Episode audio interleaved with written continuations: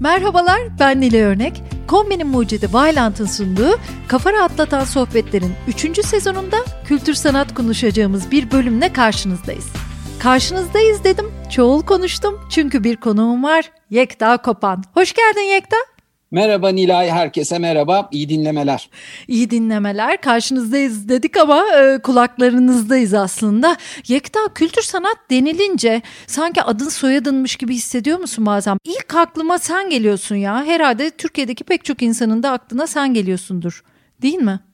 Bilmiyorum eğer böyleyse tabii bundan mutlu olurum. Çünkü benim de hani belki de gençliğimden, ergenliğimden beri içinde olmaktan zevk aldığım. Zaten bu zevkin sonucunda da şu anda işte senin bu sağ olasın övgüyü bana yönlendirmene neden olan durumun oluştuğu bir hikaye bu kültür sanat dediğimizde çok geniş bir şey anlıyoruz. O kadar geniş bir şey anlıyoruz ki aslında hepimiz anlamak istediğimizi anlıyoruz. Biliyorsun kültür bambaşka bir kavram. Bunun sanatla birlikte sürekli anılmasından kaynaklanan belki bir karmaşa var. Kültür ne? Kültür işte bir toplumun toplumsal gelişme süreci içindeki değerleri, insanın doğayla, toplumsal çevresiyle ilişkisi ve bu ilişkisinin ölçüsünü gösteren bütün araçlar Bugün aslında bir yandan bunu birazcık böyle dilimize de dökmeyi başardık. Nasıl başardık? Spor kültürü diyoruz, yemek kültürü diyoruz, gezme kültürü diyoruz, giyinme kültürü diyoruz. Yani aslında o toplumsal verideki bütün araçları içeren kültürlerden bahsediyoruz. Ama kültür sanat hem kurumsal olarak sürekli böyle anıldığı için hem belki de yönetsel anlayışlarda da böyle anıldığı için o böyle bir ikiz kardeş gibi, kültür sanat yapışık ikiz kardeş gibi. Evet kültürün içinde tabii ki bir sanat varlığı varlığı da var. O biraz hı hı. önce bahsettiğim araçların içinde elbette ki sanat varlığı da var ve bu çok değerli. Neden değerli? Çünkü kültürleri toplumdan topluma, tarihten tarihe, zamandan zamana en çok sanat aracılığıyla aktarıyoruz. Diğer biraz önce saydığım araçlarda da olduğu gibi en çok sanat aracılığıyla aktarıyoruz. E böyle olunca da kültür sanat hep o yapışık kardeşlik durumunda anılıyor. Böyle yaşıyor. O birbiriyle yaşayan bir ilişkisi var onun bunun içinde olan insanlarda birazcık sanatla ilgilenen insanlar, birazcık edebiyatla ilgilenen, sanatın diğer dallarıyla ilgilenen ya da benim gibi belki birazcık disiplinler arası ilişki kuran, kendimi bir tek öyle tanımlayabilirim. Sanatla ilişkimi disiplinler arası olarak tanımlayabilirim. Haydi onların hemen kültür sanat insanı diye anılıyor. Tabii benim bir yandan da hem ıı, yazılı ıı, hem de görsel medyada kültür sanata dair yaptığım işlerde sanırım senin o başlangıçta söylediğin seni bununla anıyoruz deme durumuna getirdi beni. Ne mutlu bana bundan çok büyük bir mutluluk duyarım tabii. Ya evet hepsinin de hakkını vererek hep söylediğim gibi yani insan birini daha az yapıyor olabilir ama hepsinin hakkını vererek yapıyorsun. Peki bu disiplinler arası olmayı soracağım sana bizler yani bunu dinleyenler hepimiz senin gibi olamayız. Sen zaten sanatçı bir aileden geliyorsun. Nasıl olunur'a da konuk olmuştu. Şahane bir bölümde o. Babandan geliyor, ablandan geliyor yani ve çevrenizden geliyor. Öyle bir şey var. Ama bu kültür sanat insanı olmak, ondan faydalanan insan olmak, kaynak olarak almak nasıl olabilir acaba? Güncel insanlar için, gençler için oradan ilham almak nasıl başlanır sence? Aslında bir yerde Nilay bu hayatımızın içinde var olan bir şey. Hı hı. Zaten hepimiz buralardan besleniyoruz. Hangi kültür aracına bakıyor olursak olalım ya da hangi sanat disiplinine bakıyor olursak olalım oradan besleniyoruz. İyi bir yemek yediğimizde o yemeği kötüsünden ayırt etmeyi belli bir yaştan sonra zaten farkına varıyoruz. Ya da iyi bir film seyrettiğimizde bu filmi bir başka kötü filmden ayırt etmeyi kendi zevkimize göre olabilir. Burada herhangi bir dayatanın zevkinden bahsetmiyorum. Kendi zevkin neyse o zevke göre bile sen kriterler belirlersin kendi zevkinin içinde. Bana göre bu film daha iyi, bana göre bu film daha kötü dersin. Bu zaten hepimizin hayatının içinde olan bir şey. Peki benim olmasını istediğim ya da senin sorunu birazcık daha açacak olan ne? Bunun farkında olmak. Bunu biraz daha bilinçli bir şekilde yapmak. Yani o filmle o filmin arasındaki iyilik kötülük kendi kriterini belirlerken bunu neye göre yaptığını, hangi verilerle yaptığını, kendi hayatından neleri alarak bunun içine koyduğunu, daha önce izlediklerinle nasıl bir karşılaştırma yaptığını düşünerek bunun farkında olarak bir çerçeve belirlemek. Bu çerçeveyi belirledikçe belirledikçe bu büyüyor. Bunu istersen böyle matematikteki o kümeler vardır ya kümeler gibi düşün. Kümeler kümeler bu kümelerin kesişme kümeleri oluşuyor. Bu kesişme kümelerinde iyice küçük alanlar, büyük alanlar derken derken derken derken o tabloyu gözümüzün önüne getirebiliyoruz değil mi şimdi bütün dinleyenler? Gözümüzün önünde kocaman kümelerden oluşan, kesişimleri olan, kimileri açıkta kalan bunların içini renk renk boyayalım. Hatta sarılar, kırmızılar, maviler, morlar hepsinin birbirine girdiği bir alan oluyor. Bunun farkında olmak önemli olan. Biz gerçekten de kültürel olarak nelerin takipçisiyiz? Kendi toplumsal çerçevemizde neler vardı? Biri diyebilir ki ben sanat müziği dinleyen bir ailede büyüdüm ve sanat müziği dinleyen bir ailede büyüdüğüm için bunları seviyorum. Şimdi bunların üstüne yoğunlaştım şu şarkıların ya da şu türün yoğunlaştım bunu anlamaya çalışıyorum. Bir başkası türküler dinliyordur, bir başkası caz müziğiyle büyümüştür.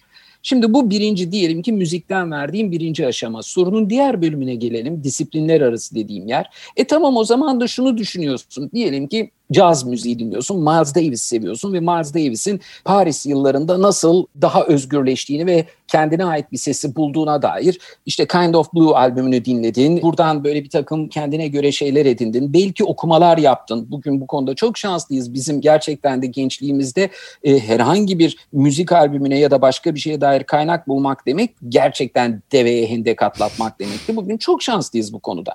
Bu kaynakları buldun. Aa Peki o dönemde Paris'te hangi yazarlar yaşıyormuş? Hangi ressamlarla bir araya gelmiş? Nasıl sohbetler olmuş? Bak bir anda edebiyata atladık, plastik sanatlara, resme atladık, belki sahne sanatlarına atladık. Zaten disiplinler arası ilişki dediğimde işte bu farklı sanat disiplinlerinin birbirinden nasıl beslendiği, bu sanat disiplinlerinin toplumsal olaylardan nasıl beslendiği, işte varoluşçuluk, neden varoluşçuluk, İkinci Dünya Savaşı sonrasının ruh hali, belki bu varoluşçuluğun yazarları kim? Anlatabiliyor muyum? Yani şimdi çok böyle hani derse dönüştürmek e, amacında değilim. Ama bu harika bir domino oyunudur. Harika bir kelebek etkisidir. Müthiş zevkli bir yolculuktur. Ve bu yolculuk her bireyin birbirinden farklı kültürel gelişimini sağlar. Yani ben şimdi burada diyelim ki bu sohbette şunu da yapabiliriz. Ben size dört tane kitap öneriyorum, üç tane albüm öneriyorum, iki tane de film öneriyorum. Bunları izlediniz mi Allame-i Cihan olacaksınız, her şeyi çözersiniz demek bana her zaman aykırı gelmiştir. Neden? Hmm. Önerdiğim insanların hayatlarını bilmiyorum ki.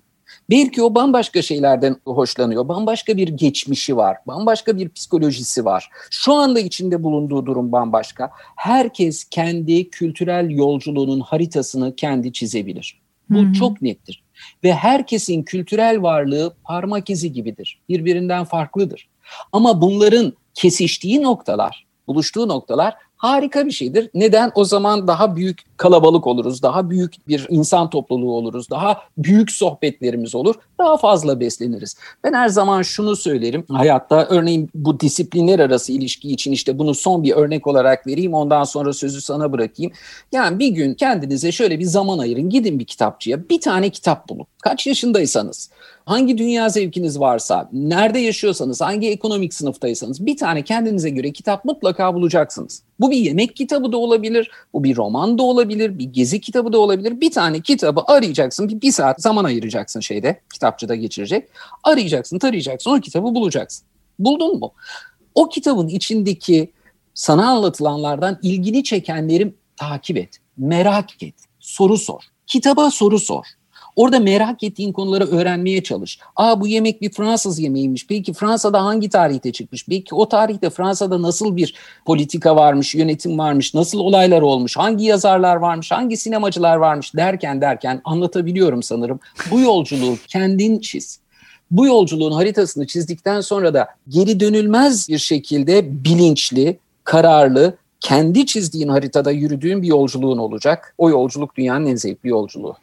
Ay ne kadar şahane anlattın Yekta. O kadar zor bir soru sordum ki aslında sana. Yani o kadar kazık bir soru sordum ki bir arkadaşıma ya inanamıyorum. Sorduğum anda aslında böyle bir ani gelen soruydu. Hakikaten senin bu çok çeşitli bakış açın beni hayran bırakıyor çoğunlukla.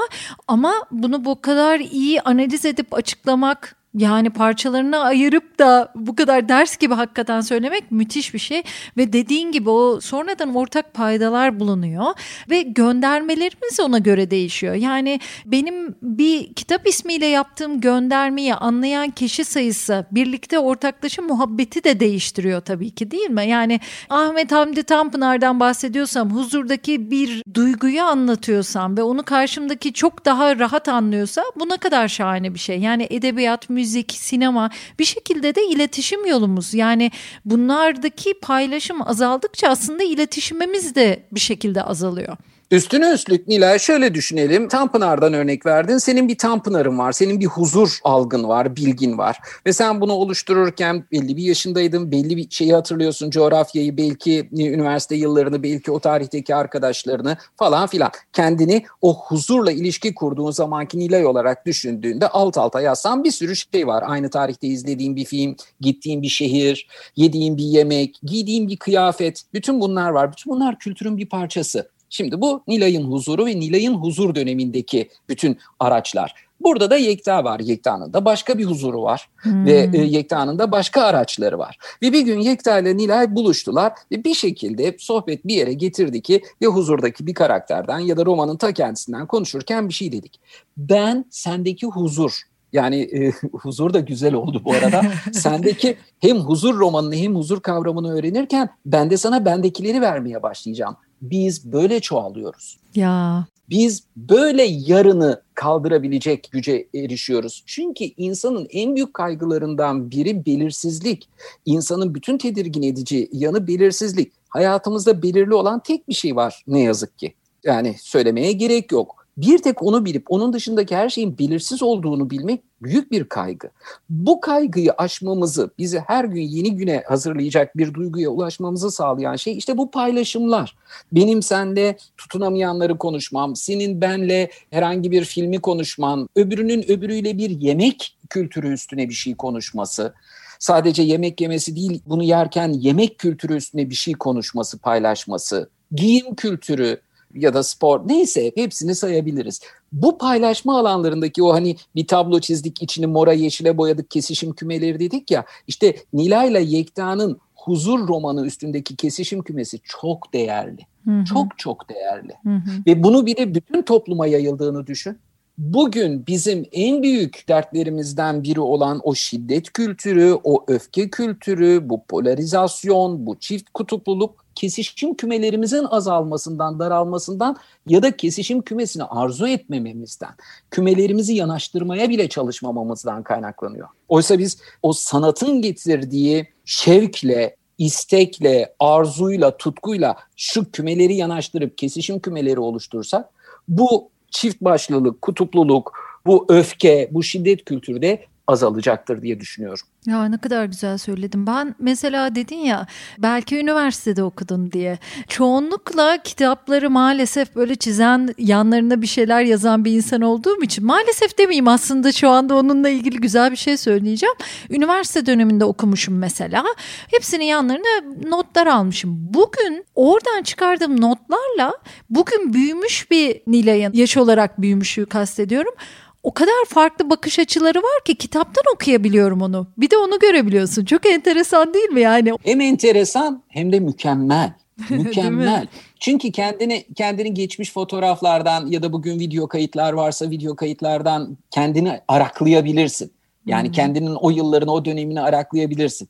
Görsel olarak bilirsin. Belki fotoğraftaki bir arkadaşınla yaşadığın bir şey aklına gelir. Ama oradaki duygunu araklamanı sağlayacak şey, seni geçmiş senle bugünkü sen arasındaki kıyaslamayı yapacak şeye itecek veri o sanatsal ya da kültürel araçla buluştuğundaki sen. O zaman neymişsin? Şimdi neye dönüşmüşsün? Aa ben ya 20 yaşında bu kitabın niye bu satırını çizmişim? Ben bunu çok sorarım. Ya. Bir kitap alırım altını çizmişim ama bugün bana hiçbir şey ifade etmiyor o cümle. Ama bir başkasını da çizmemişim. Bugün bana çok iyi geliyor. Peki niye o gün bunu çizmişim? Kendin üstüne düşünmenin, kendi hayatın üstüne pratik yapmanın en güzel yollarından biri değil mi bu? Kendi hayatımız üstüne yaptığımız pratik bizi yarına hazırlıyor. Bu bir geçmiş özlemi ya da geçmişe tutku değil bu geçmişten alınan gücün yarına transferi bana göre. Ben hiç geçmişe bağlı bir insan değilimdir. Ah ne güzel günlerdi filan. Çünkü bunun bir sonu yok. Yani her gün güzeldi bence. E, ve her gün de kötüydü. Bunun bir sonu yok. Ama geçmişten aldığım gücü, hatalarım, güzelliklerin, doğrularım her neyse bütün bunlardan aldığım gücü yarına transfer edebilmek ve bunu da sanat aracılığıyla yapabilmek benim için çok değerli. Bir şey daha söyleyeceğim. Sanat sanat dediğimizde aklıma takılan bir şey. Oh, şimdi şunu da düşünen vardır bizi dinleyenlerin arasında belki. Ya ne güzel iki tane tırnak içinde tuzu kuru oturmuşlar işte aman sanattı, kitaptı, edebiyatlı, huzurdu, saatleri ayarlama ne güzel konuşuyorlar diye düşünebilirler. Var böyle bir düşünce var ne yazık ki. Yani elit demeyeceğim ama elitist demeyeceğim ama yani sanatın biraz daha tabii yani sizin hayat derdiniz yok, yarın kaygınız yok. Yani biz nelerle uğraşıyoruz biliyor musunuz? Benim bir de oturup kitap okuyacak, film izleyecek zamanım mı var diye düşünen insanlar var. Ee, burada bir noktaya kadar doğruluk payı da var. Gerçekten de bugün Türkiye'nin şimdi hani sosyoekonomik durumuna girmeyelim ama gerçekten büyük bir ayakta kalma ve hayatta kalma mücadelesi içinde olan çok büyük bir nüfus var. Bunu da anlayabiliyorum. Ama şunu kimse unutmasın. Tekrar ediyorum. Bakın evde yediğiniz bir yemeğin bile o yemeğin kültürünü düşünmek, o yemeğin varlığını düşünmek, o yemeğin üstüne evdeki aile bireyleriyle beraber sohbet edebilmek bile işte kültürü çoğaltmak. Yani bunu mutlaka bir ekonomik güçle satın alınabilen bir şey olarak düşünmemek lazım. Elbette bunun satın alınabilen bir yanı da var kitap almak istiyorsanız belli bir ekonomik durumda olacaksınız ya da işte diğer sanatsal etkinliklere katılmak için bunu anlayabiliyorum. Ama bu sanatsal faaliyetleri satın alma durumuna gelmenin öncesinde kültürel olarak çoğalmanın kendiliğinden bir hali var. Dediğim gibi yemek yerken, yolda yürürken ağaçlara baktığımızda yani bugün bir aile düşünelim anne baba iki de çocuk olsun hadi hep beraber yürüyorlar. Bu sohbeti yaptığımız karlı İstanbul gününde yollarda yürüyorlar ve ağaçlar var. Biz ağaçların adını bilmiyoruz Nilay. Ya ağaçların hepsine ağaç diyoruz, kuşların hepsine kuş diyoruz. Yani yolda yürürken ailenin iki ayrı ağacın önünde durup işte bu şu ağaçtır, bu da bu ağaçtır. Bak bu ağaç şöyle olur. Aa ben bunu bilmiyorum ya bunu bir araştıralım, okuyalım demesi de kültürdür. Tabii. Ve bu kültür çoğaltılabilir, paylaşılabilir. Belli bir nokta sonrasında da bu kültür tabii ki sanatla, sanatın elementleriyle birleştiğinde özetle söyleyeyim tadından yenmez. Harika bir şey olur. Ya ne kadar güzel bir konuya parmak bastın. Hatta 2-3 konuya birden parmak bastın. Bir e, sondan başlayayım ağaçlar konusunda, kültür konusunda. Mesela Beyoğlu'nda İstiklal Caddesi'nde yürürken şahane binalar var ya. Yanlarında da aslında QR kod dediğimiz cep telefonunu böyle okutup bilgisini alabileceğimiz kodlar var. Kodlar çalışmıyor mesela. İkide bir belediyeye mesaj atıyorum. Ya da ağaçlar. Niye parklarda çok bariz belli ünlü park parklarımız var yani. Gezi Parkı'nda hı hı. mesela ağaçların altında niye künyeler konmuyor? İki de bir mesaj atıp duruyorum. Aslında bir ara konuyordu gidiyor falan filan. Dediğin gibi ağaçların ismini bilmiyoruz. Türler hepsi bizim için aynı. Böyle bir şey yok. O da dediğin gibi bir kültür ve aslında o da ne kadar gözlem yeteneğini, çoklu bakış açısını, bambaşka şeyleri geliştiriyor.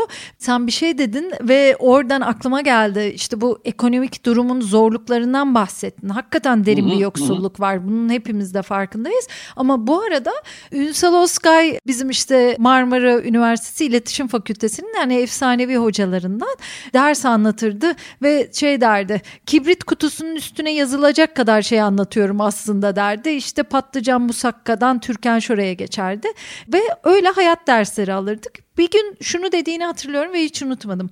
Melih Cevdet Anda'yı sormuşlar sen nasıl bu kadar genç kaldın diye. O da bir gün bile kadınsız sofraya oturmadım demiş.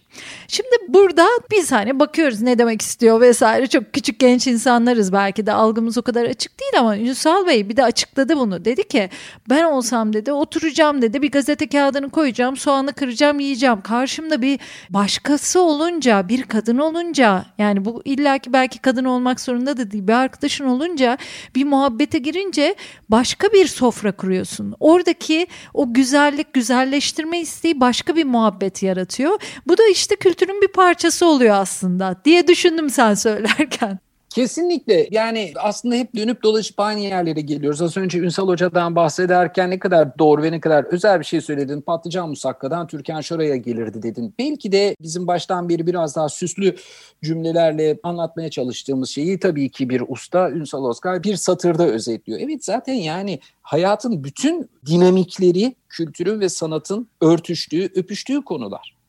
Bunları birbirinden çok ayrı, çok uzakta düşünmemek lazım. Yani işte biz ne anlarız kültür sanattan? Biz zaten yani işte ekmeğimizin derdinde adamlarız diye bir şey yok. Hepimiz ekmeğimizin derdindeyiz. Öncelikle onu söyleyeyim. Hepimiz aynı hayat mücadelesini farklı kulvar ve farklı baremlerde de olsa veriyoruz. Ama bir yandan da hepimiz kendi gücümüzce ekonomik gücümüzce, kendi psikolojik varlığımızca biraz daha derinleşebiliriz. Biraz daha anlayabiliriz. Aslında şöyle bir şey söyleyince belki çok daha anlaşılır olacak Nilay. Bu pandeminin ilk günlerinde biliyorsun Mart ayında işte sosyal medyada olsun, televizyon kanallarında olsun çok sıklıkla görülen ve bir anda insanların ne hale düştüğünü en görkemli şekilde anlatan bir görüntü vardı. Gayet iyi hatırlayacaksın. İtalya'da işte Wuhan'dan sonra en yoğun salgının kendini gösterdiği İtalya'da, Milano'da balkondan balkona şarkı söyleyen insanlar. Şahaneydi. Hatırlıyorsun. Tüylerimizi evet, diken diken etti değil mi hepimizin? Bravo. Bravo. Bugün bizim seninle şu ana kadar konuştuklarımızı e, şöyle bir derleyelim, toparlayalım. Ondan sonra da aç çekmeceyi koy içine kapat. Hepsini bir kenara bırak çünkü o görüntü şu konuştuklarımızın hepsini anlatan, anlamlandıran ve özetleyen görüntü. Nedir o görüntünün arkasında yatan? O görüntünün arkasında yatan bir kere toplumsal olarak sosyal ilişki kurma kültürünü bize gösteriyor. Yani kimse balkonuna çıkıp şarkı söyleyen bir insana bir diğer balkondaki sus kafamı ütülüyorsun deli misin be diye bağırmıyor. Çünkü kültürel olarak onların kültüründe beraberce şarkı söylemek, beraberce bir melodiye eşlik etmek var. İki, Orada yine kültürel olarak herkes pandeminin getirdiği çaresizlik, birbirine dokunamama, uzak kalma halinden haberdar ve bunun ancak bu şekilde çözülebileceğini, balkondan balkona çözülebileceğini biliyor. Yine kültürel olarak birlik olma hissi var. Bir öfke yok, bir ötekileştirme yok, bir düşmanlaştırma yok ve beraber şarkı söylüyorlar. Üç, kültür sanat dedik ya başta. E sanat var, şarkı söylüyor şarkı söylüyor en doğal haliyle bir enstrümanı olmadan aklına gelen bir şarkı belki yarım yamalak belki detone belki kötü hiç önemli değil. O anda birlik olabilmek için bu içine düştüğü kötü ruh halinden kurtulabilmek için yapabileceği tek şeyi yapıyor. Balkonuna çıkıyor. Balkonu yoksa penceresini açıyor ve belki de o güne kadar selamlaşmadığı apartmandaki karşı komşu, karşı sokak neyse o görüntüleri biliyorsunuz insanla beraberce bir şarkı söylüyor. İşte kültür ve sanat. Ya ne kadar şahane, kadar. ne kadar güzel. Yani yine sen anlatırken bile tüylerim diken diken oldu. Çok etkileniyorum. Yası da neşeyi de paylaşmanın çok güzel bir yolu sanat. Ya da işte kültür dediğimiz şeyin içine giren şeyler ne kadar sanatta aslında bağlantılı. Bir de yani bu ekonomik durumdan, acılardan farklı farklı şekillerde bahsettin. Aslında bunlarla doğru ve iyi başa çıkabilmenin yolları da bizim bu kültür sanat dediğimiz araçların içerisinde ve araç diyorum. Çünkü ben oturduğum yerde kaç insan tanıyabilirim, kaç probleme çözüm önerisi görebilirim. Kaç e, insan ruhuna dair incelik tanıyabilirim değil mi? Ama edebiyat bize bunu verir mesela. Ya bu beni de çok etkiler. Çünkü yani işte dün akşam bir dedektiflik dizisi izliyorum. Çocuk kaybolmuş. Ablasına gidiyor polisler. Diyorlar ki 25 senedir aynı evde mi oturuyorsun? Aa falan hani bir fotoğraftan bakarak. O da diyor ki e, 12 yaşında kayboldu kardeşim gelirse bu eve gelsin istedim diyor. Şimdi orada bir duygu var. Tayfun Pirselimoğlu'nun benzer bir konu. Hiçbir yerde Zuhal Olcay. İkimizin hı hı. ortak arkadaşı Zeynep Atakan'ı da oraya katalım. Mesela işte o da o filmde çalışmıştı hatırladım.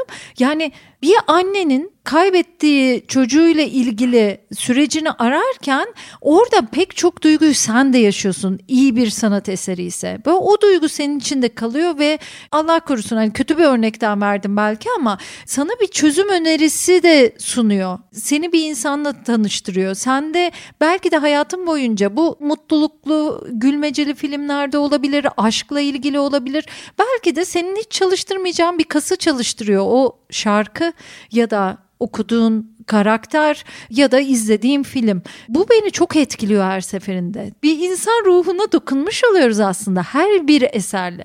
Soru soruyoruz, merak ediyoruz, araştırıyoruz, anlıyoruz, anladığımızı anlatmaya çalışıyoruz daha sonra. Zaten işte o anladığımızı anlatmaya çalışma bölümüyle de iletişim kurmuş oluyoruz. Bundan daha güzel bir şey olamaz.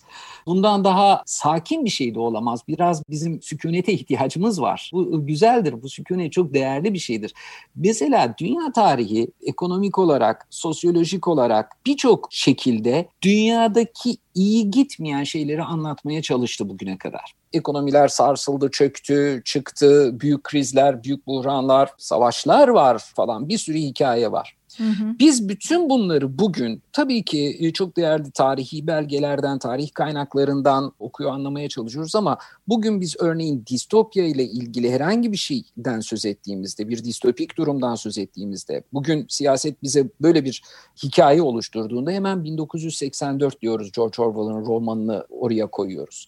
Bugün herhangi bir savaştan bahsettiğimizde hemen aklımıza Guernica geliyor. Pablo Picasso'nun o tablosu, o çalışması ya da başka başka yani bugün e, herhangi bir o kasaba yalnızlığı, o kasaba derdi, o Orta Anadolu'nun herhangi bir bireysel isyanı dediğimizde Neşet Ertaş geliyor aklımıza. Yani o kadar çok örnek var ki sanat bütün bu yaşadıklarımızı alır, anlamlandırır, toplumsal hafızanın içine oturtur, daha sonra da anlattırır, paylaşırız. Hmm, çok güzel söyledin. Hafızanın içine oturtuyor. Toplumsal hafıza böyle oluşuyor zaten. Yoksa toplumsal hafıza tabii ki toplumsal hafıza dertlerle, acılarla da oluşuyor. Biz bugün e, Sivas'ta yaşananları hiçbir zaman unutmayacağız elbette. Elbette ki toplumsal hafıza sadece sanatın e, varlığıyla oluşmuyor ama daha sonra Sivas'ta yaşananlardan sonra sanatın, tiyatronun, sinemanın, edebiyatın, şiirin, romanın Sivas konusunda yaptıkları hepimizin toplumsal hafızasında